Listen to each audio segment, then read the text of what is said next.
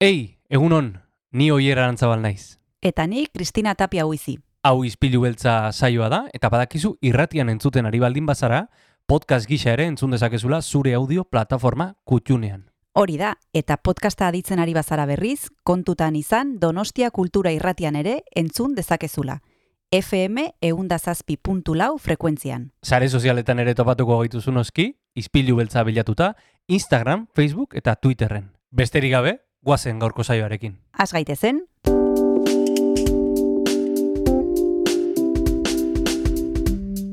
Ispilu beltza.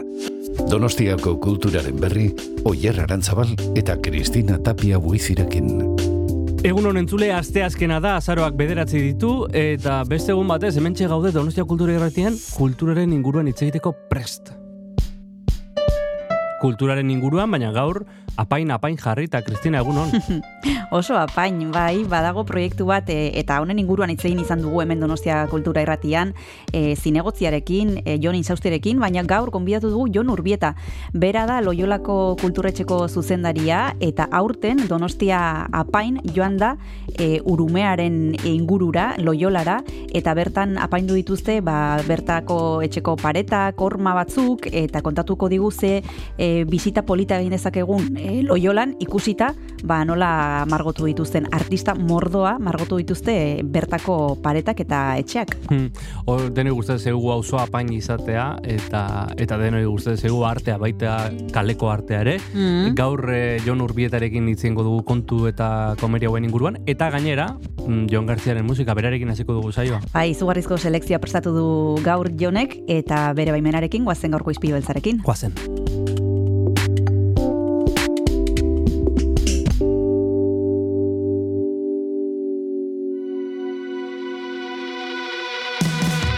Gaurko saioa indartxu ekingo dugu eta horretarako ezpalak talde zestoarraren azken singela entzungo dugu eta horrekin hasiko dugu gaurko saioa, hau da, zu izan.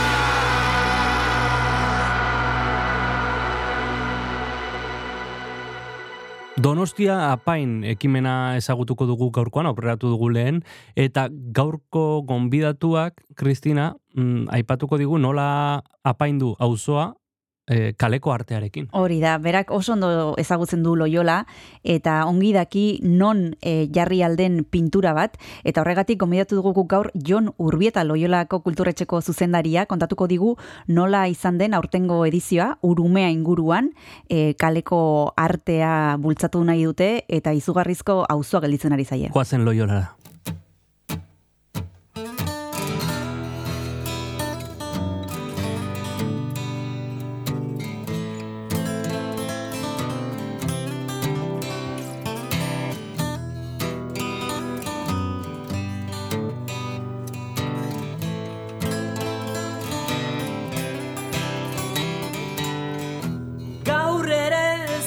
Malkorik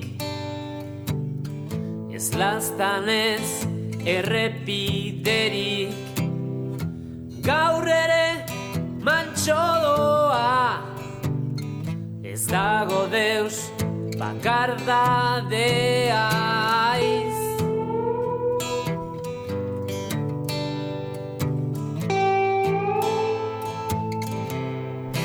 Gaur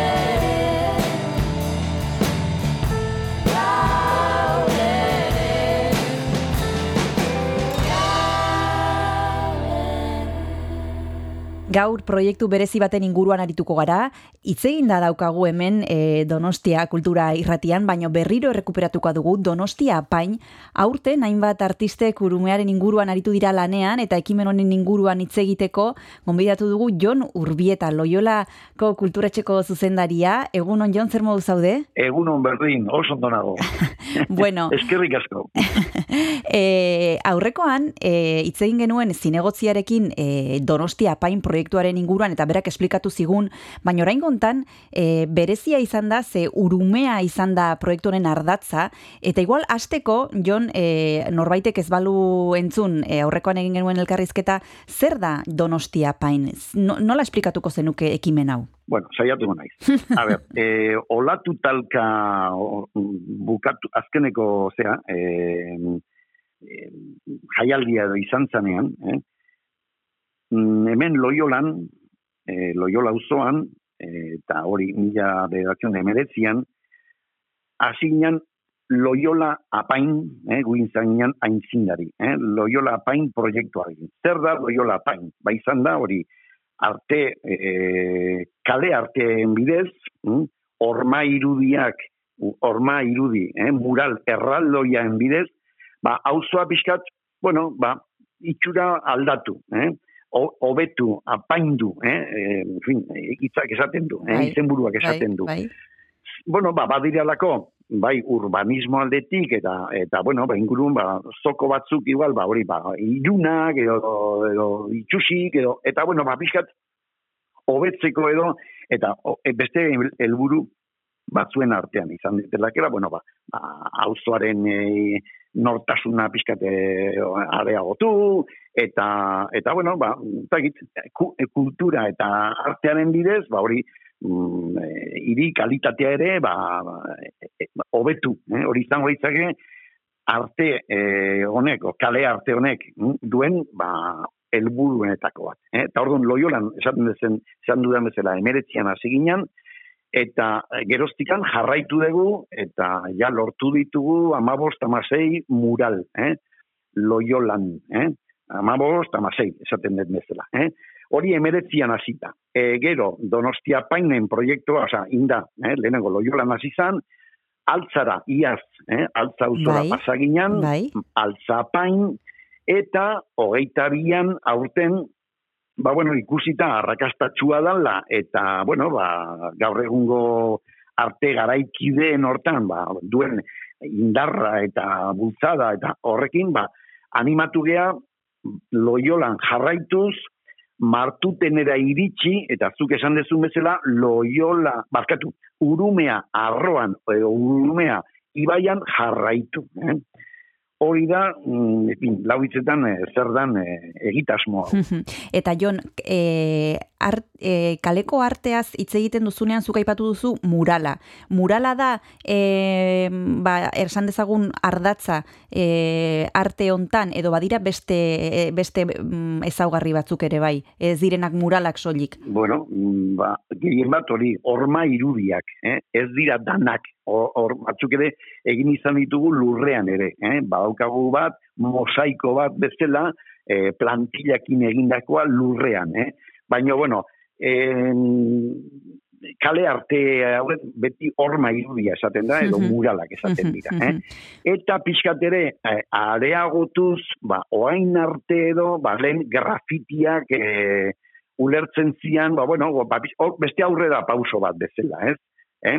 Eh, de hecho, artista asko grafiti munduan hasitakoak, baina orain, ba, ez dakit, beste pauso bat bezala, ez? Eh? Ba, na, na, ba, zera, mm, adibide, ezaugarri bat izan direke hori, tamaina, ez? Ba, mural hauek erraldoiak dira, eh? edozi normak, ba, ba, igual hori, alturan lau bost etxe e, solairuko e, e, zera, e, hormak, edo ez dakit, zabaleran igual hogei metro, eta alturan beste hogeita bost, osea, tamaina importantea da, kalean egotea importantea da, eta pixkat hori apaintzeko edo, eta ez da bakarrikan aldarrikatuz, ba hori, pintadak eta iten duten bezala, Ja. e, ba hori, grafitiak. Hau da, beste, beste pauso bat aurrera. Eh? Edertasuna ere, bueno, kritika egon diteke, baina, bueno, gehien bat hori. E, arte, garaikidea da, gazte jendeak ere parte hartzeko, eta be, le, lenguai berri bat ezela. Berria esaten dut, eta ez da lain berria. Osea, Bai. Beti da nik eh, egin badako, Bai, bai. Orain hitz egingo dugu aurtengo edizioaren inguruan, baina nahiko nuke jakin e, nork bilatzen dituen e, pareta hoiek. Artistek bilatu behar dituzte, zuek ze zaugarri izan behar du e, leku batek hor e, margo bat egin ahal izateko. Bueno, hori, eh, gure, osea, kulturetxea den kasu honetan, eh, edo nere, en fin, zukaldeko lana izaten da. Eh? Alde batetik, eh, hori, bizi lagunei, helarazi, parte hartu garzi, eh, eskatu, aizu, bida hau dezute, horma hau dezute, ba, pixkat hori, imaginatu, ba, traketxa da ona, bueno, badia kaso ere, e, berritu indutena, baina ez, zaiela oso itxusia gelitu zaiena ere, olakoak, eh? Orduan denetatik indegu, partikularrak, etxe privatuetan edo, baita ere e, gune edo mm, publikoetan, ba hori, ba, medianerak edo eh, ez dakit, eh, eh, eskailera batzuk eh, publikoa diran toki batean ere bai, eh? denetik publikotan eta pribatuetan. Orduan, izaten da gure lana, jendeari alde batikan eskatu, aizu utziko den zuen norma, hori, ba, bizilagunen, e, zean, em, adostasuna, bizilagunen bilerak, oza, no, e, nik bildu naiz, e, komunidades vecinos etako pila batekin, bueno, ley de propiedad horizontal ja buruz dakit, mayorías, minorías, hori da. Eta, gero beste alde ere, baimenak ere bai, claro, eh? Eo zintokitan ezin dalako egin, eh? Baina gure lana izaten da. Eh? E, Artizak ez du bilatzen. Eh? Kulturetxeak gure kaso honetan, eh? ba, ba, ba, hori, auzoa pateatu, zibiliz. Oso ondo, auzoa ondo ezagutu behar da, eta zuek kulturretxean zerbait egiten baduzu da, auzokideak eta auzoa oso ondo ezagutu. Oraintxe bertan jarraituko dugu hitz egiten. Hori da. Bai, bai, Oraintxe bai. bertan jarraituko dugu hitz egiten proiektu honen inguruan eta auzoaren inguruan ere, tarte bat hartu behar dugu eta oraintxe bertan itzuliko gara.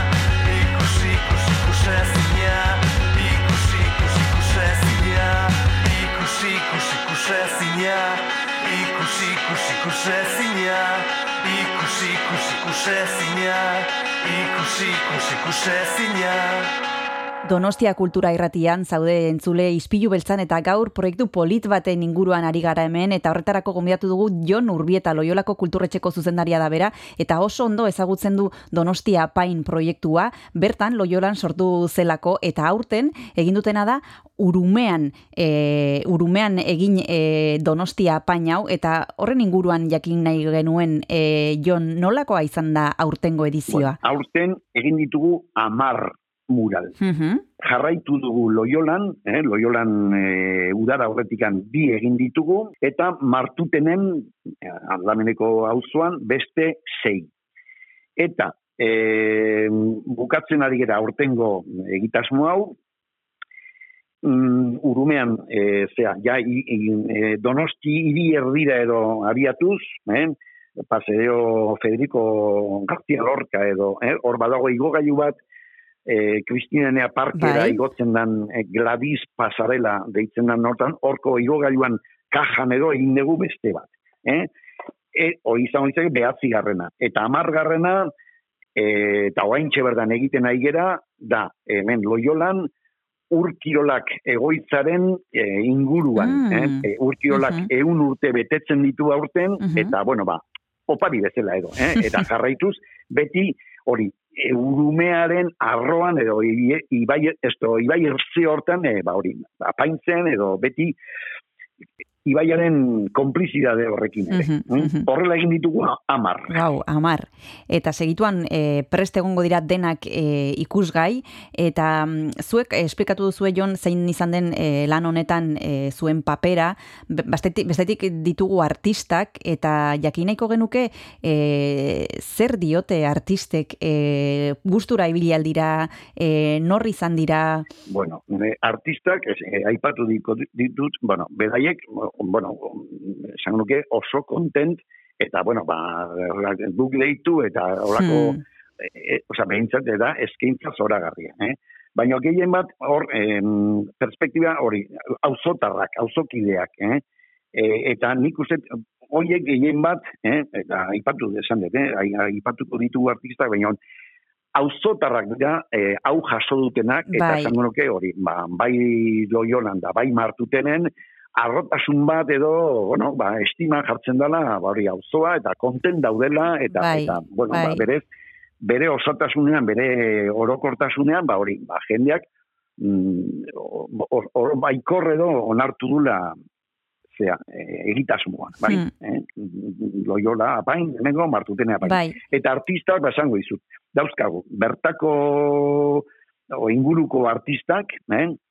Eta gero, bueno, ba, kasu baten, baten bat ere, hori, kanpotarrak ere. mhm, E, nahi bezu orden pixkatean hasiko naiz. Bai. Esan, dit, esan dut, e, loiolan egin ditugula udara urretikan bi, Bai. eta bat izan da udatxo, e, bergarako udane juaristik, beak egin du hemen urbia kalean, ba, gauza oso polita. Eh? E, hola, e, naturarekin danak, bueno, danak dute e, hildo bezala natura, edo ibaia, edo ingurua, eh? Eta kasu honetan udatxok horrela ere egin du. Eh?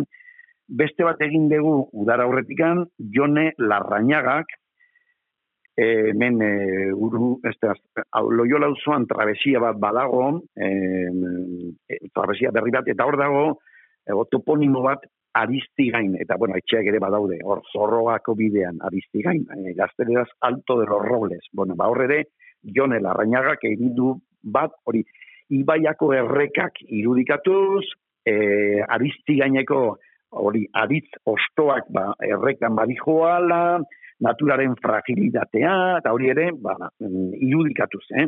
bi loiolan.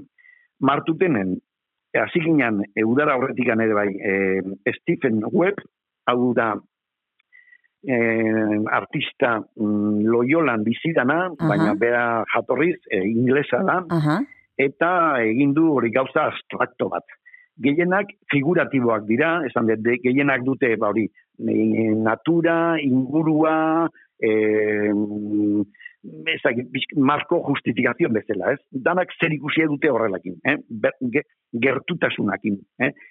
Stephen Nau, o- pixkat hortik aparte dijoa, abstraktoa egiten dulako, eh? Jokatzen du, ba, asko kolorekin eta eta hori geometria erekin modu batean esateko. Eh?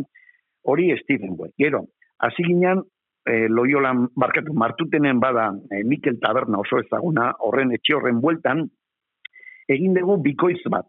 Pablo Astrain eta Jokin Oregi, bi artistak, biak. Bueno, bat donostiarra, Pablo Astrain, beste da Jokin Bergaratarra, eta bilakin dute horma berean. Eh? Mm, Joku hori nahi zuten ere, elkar, elkarrizketa bat, bi eh, figura, bi motibo oso diferenteak, baina bueno, beraiekin joko bat edo elkar, elkar, zea, elkarrizketa edo dutenak. Eh?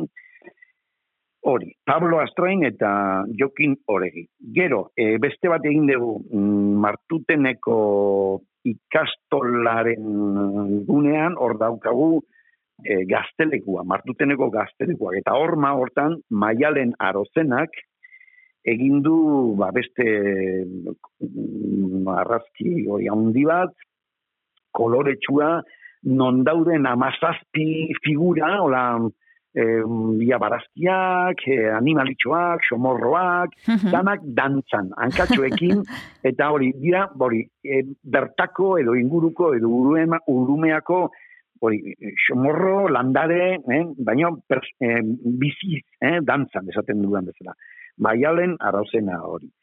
Gero egin dugu beste bat, e, etxarrienen, etxarriene da e, etxea, e, hor martutenen, eta aurre egin du Marina Capdevila katalanak bi hormetan oso hori joku da ba hori figura humano bat e, tributo bat e, emakume adindu behi edo eh? amoina bada baina amoina esan nuke kainera edo hola ironia puntu batekin eh? Uh -huh. gorriz beta horreko handi batzukin eta begira da hori pixkat pikarriako eta ida ma, esto, emakume hori amoina hori Mm, Pablo Astrain eta Jokin Oregiren zera, murala begiratzen. Eh? Ah. Osa, or, beste joko bat ere, bai. beste keinu, komplizidade joko badago oso polita dana. Eh?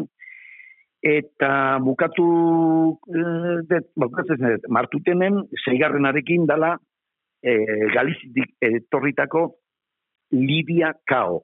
Eta Ibai erzean egin du e, euskal mitologian oinarrituta mm, lamia bat, eh? Irudikat e, egin du. Eh? Erreka mari kaso honetan, eh? ba, urrezko horrazearekin, hilea horreztu, ba, bizkat euskal mitologian ba, e, ezaguna ezautu dugun bezala. Eh? Hoiek dira martuteneko zeiak. Esan dudat beste bi loiolan, eta azkenik lehen esan dut ere, hemen nola urkirolaken egoitzan egiten ari geran, hor egingo dugu ere bai, bueno, egiten ari gira, eh? ba, em, urkirali ba, beste tributu bat dezela, hor e, ezaugarria da e, ibai edo urkirolaketan sortzia esate jote euskeraz, e, autriz edo eskife bat, sortzi pertsona e, arraunian. Ba, hori ikusiko da, eh ba mendikan egun batzutara barru, eh? Eta hori da urtengo eh sea, eh, emaitza edo usta.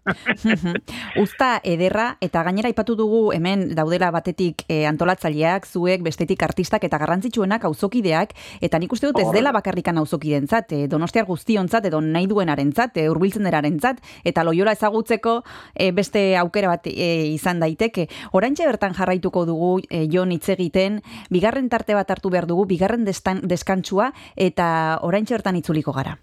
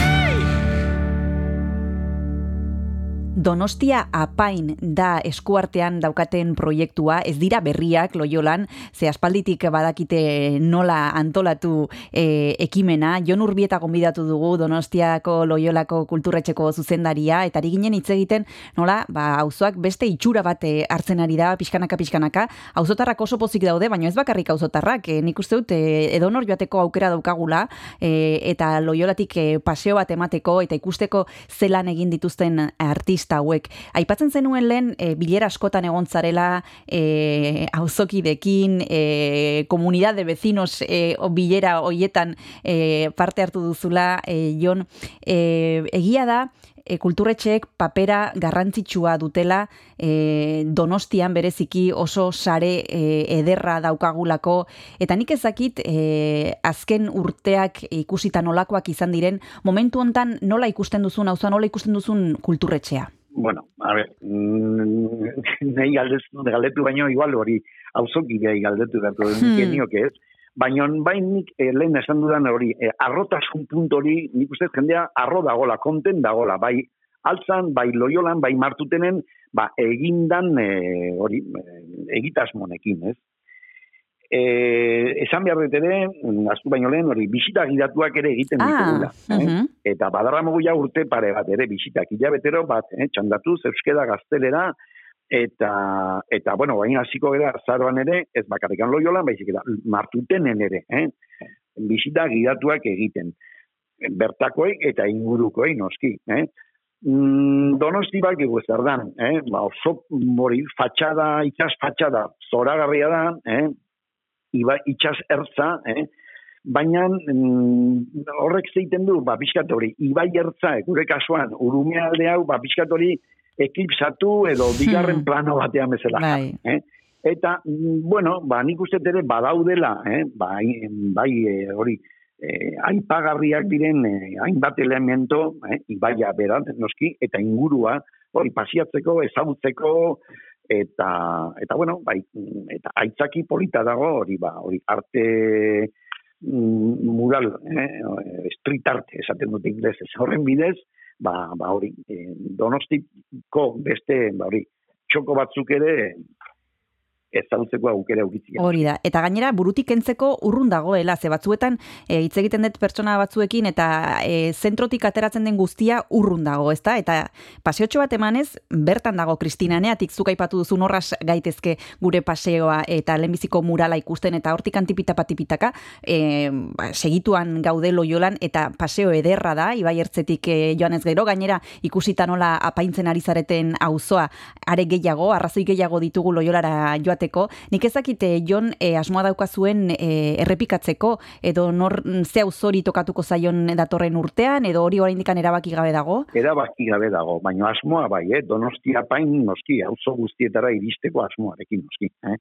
Ikusi darako arrakastatxua dela, eta bueno, ba, ba, hori, ba, onura asko ditula, ez? Mhm. Orduan, mm, seguru jarraituko dula, eh? Hogeita iruan, eta hogeita lauan, ba, zeuzotan ez dakit.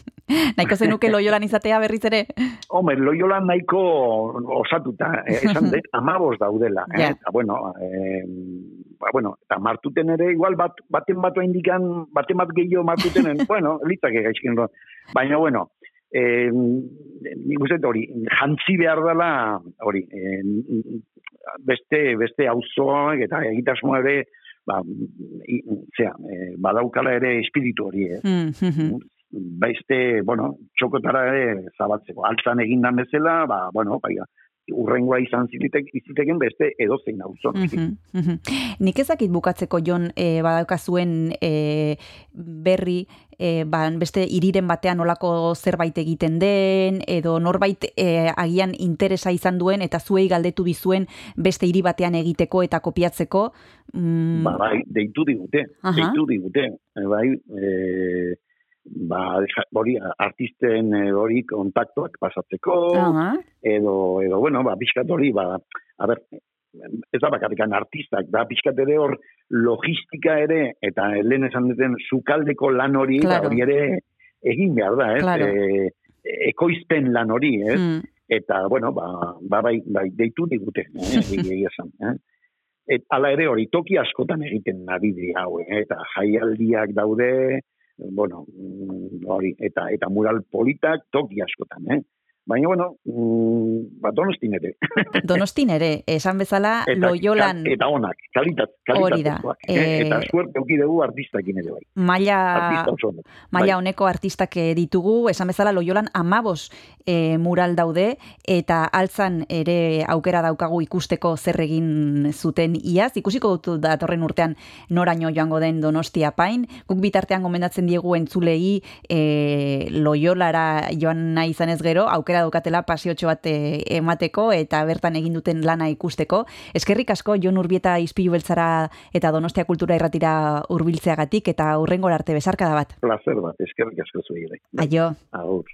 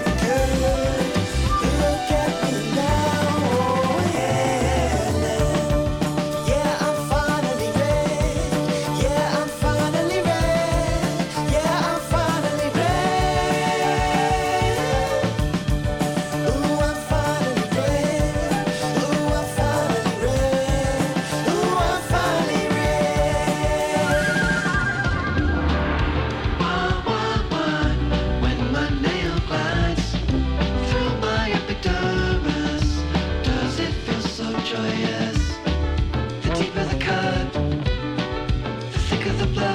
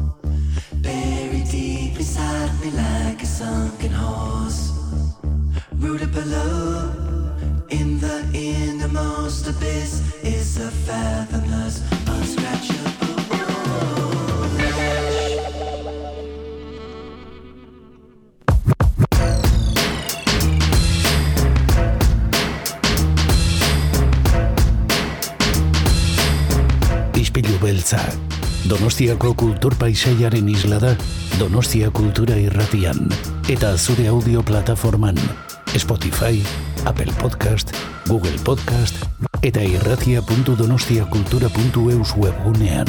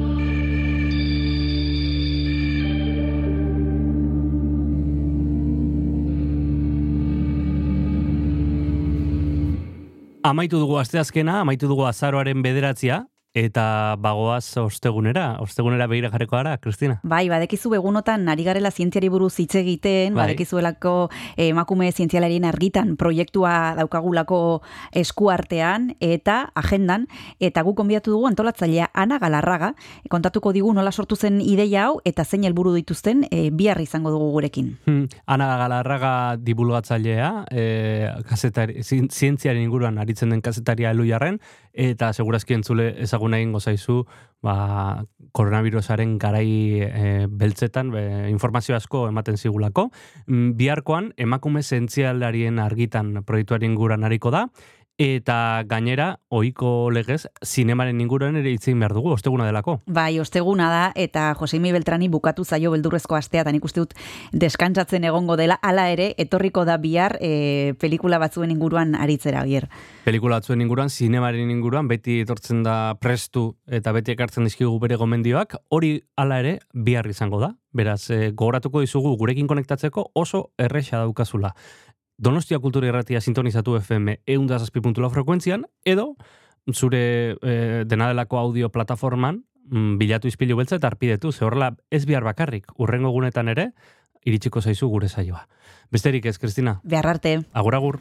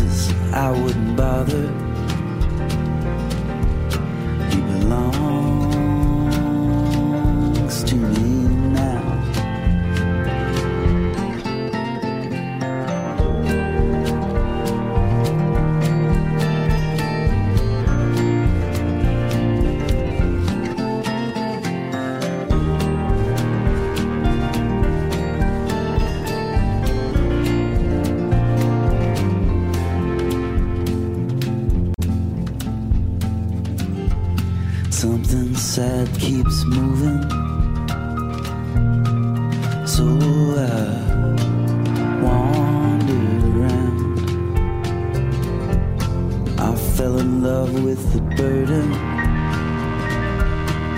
Holding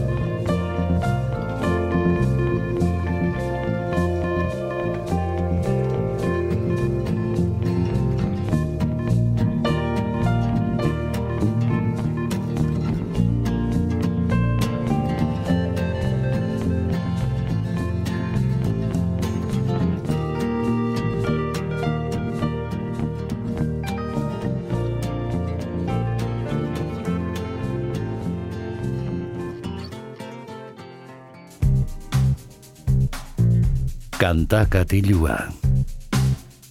Jon Gartziaren eskutik.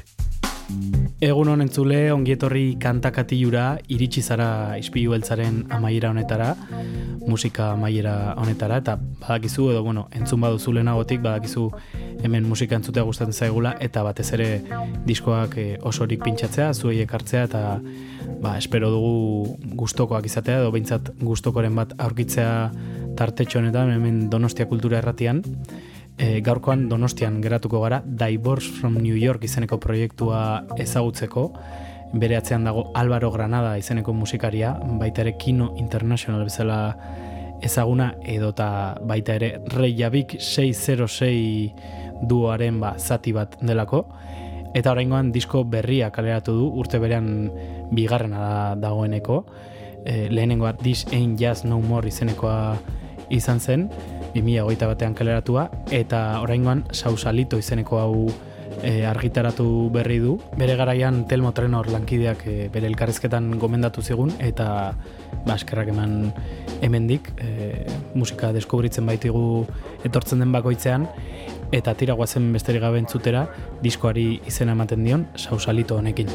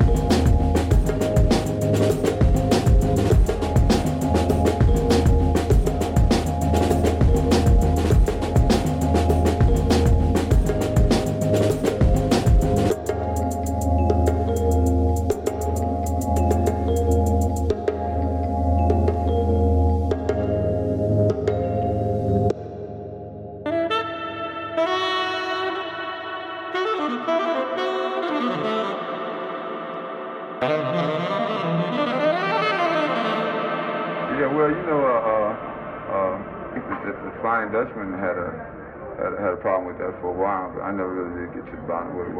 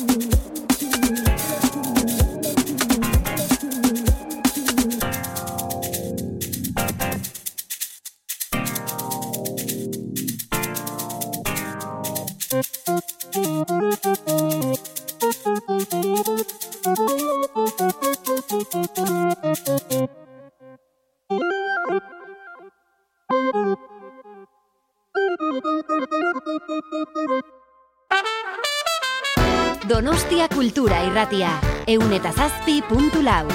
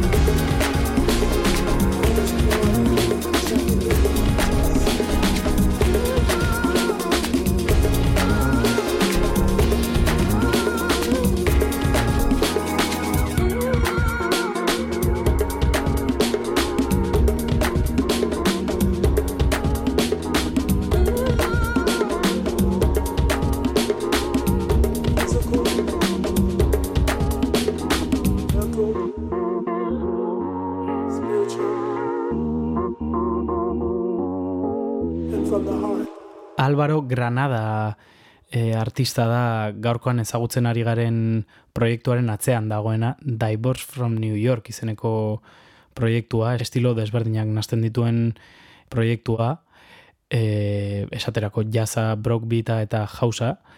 Orain honetan ere beste hainbat estilo sartu ditu diskoa esaterako, e, bere lehen lana 2008 batean kaleratu zuen, duela gutxi hain zuzen, This Ain't Just No More izeneko diskoa, eta esan bezala ba, beste hainbat proiektutatik ezagutzen dugu Álvaro Granada, e, esaterako Kino International bezala ere ezaguna da, edota Reykjavik 606 e, talde edo duan parte hartzen du.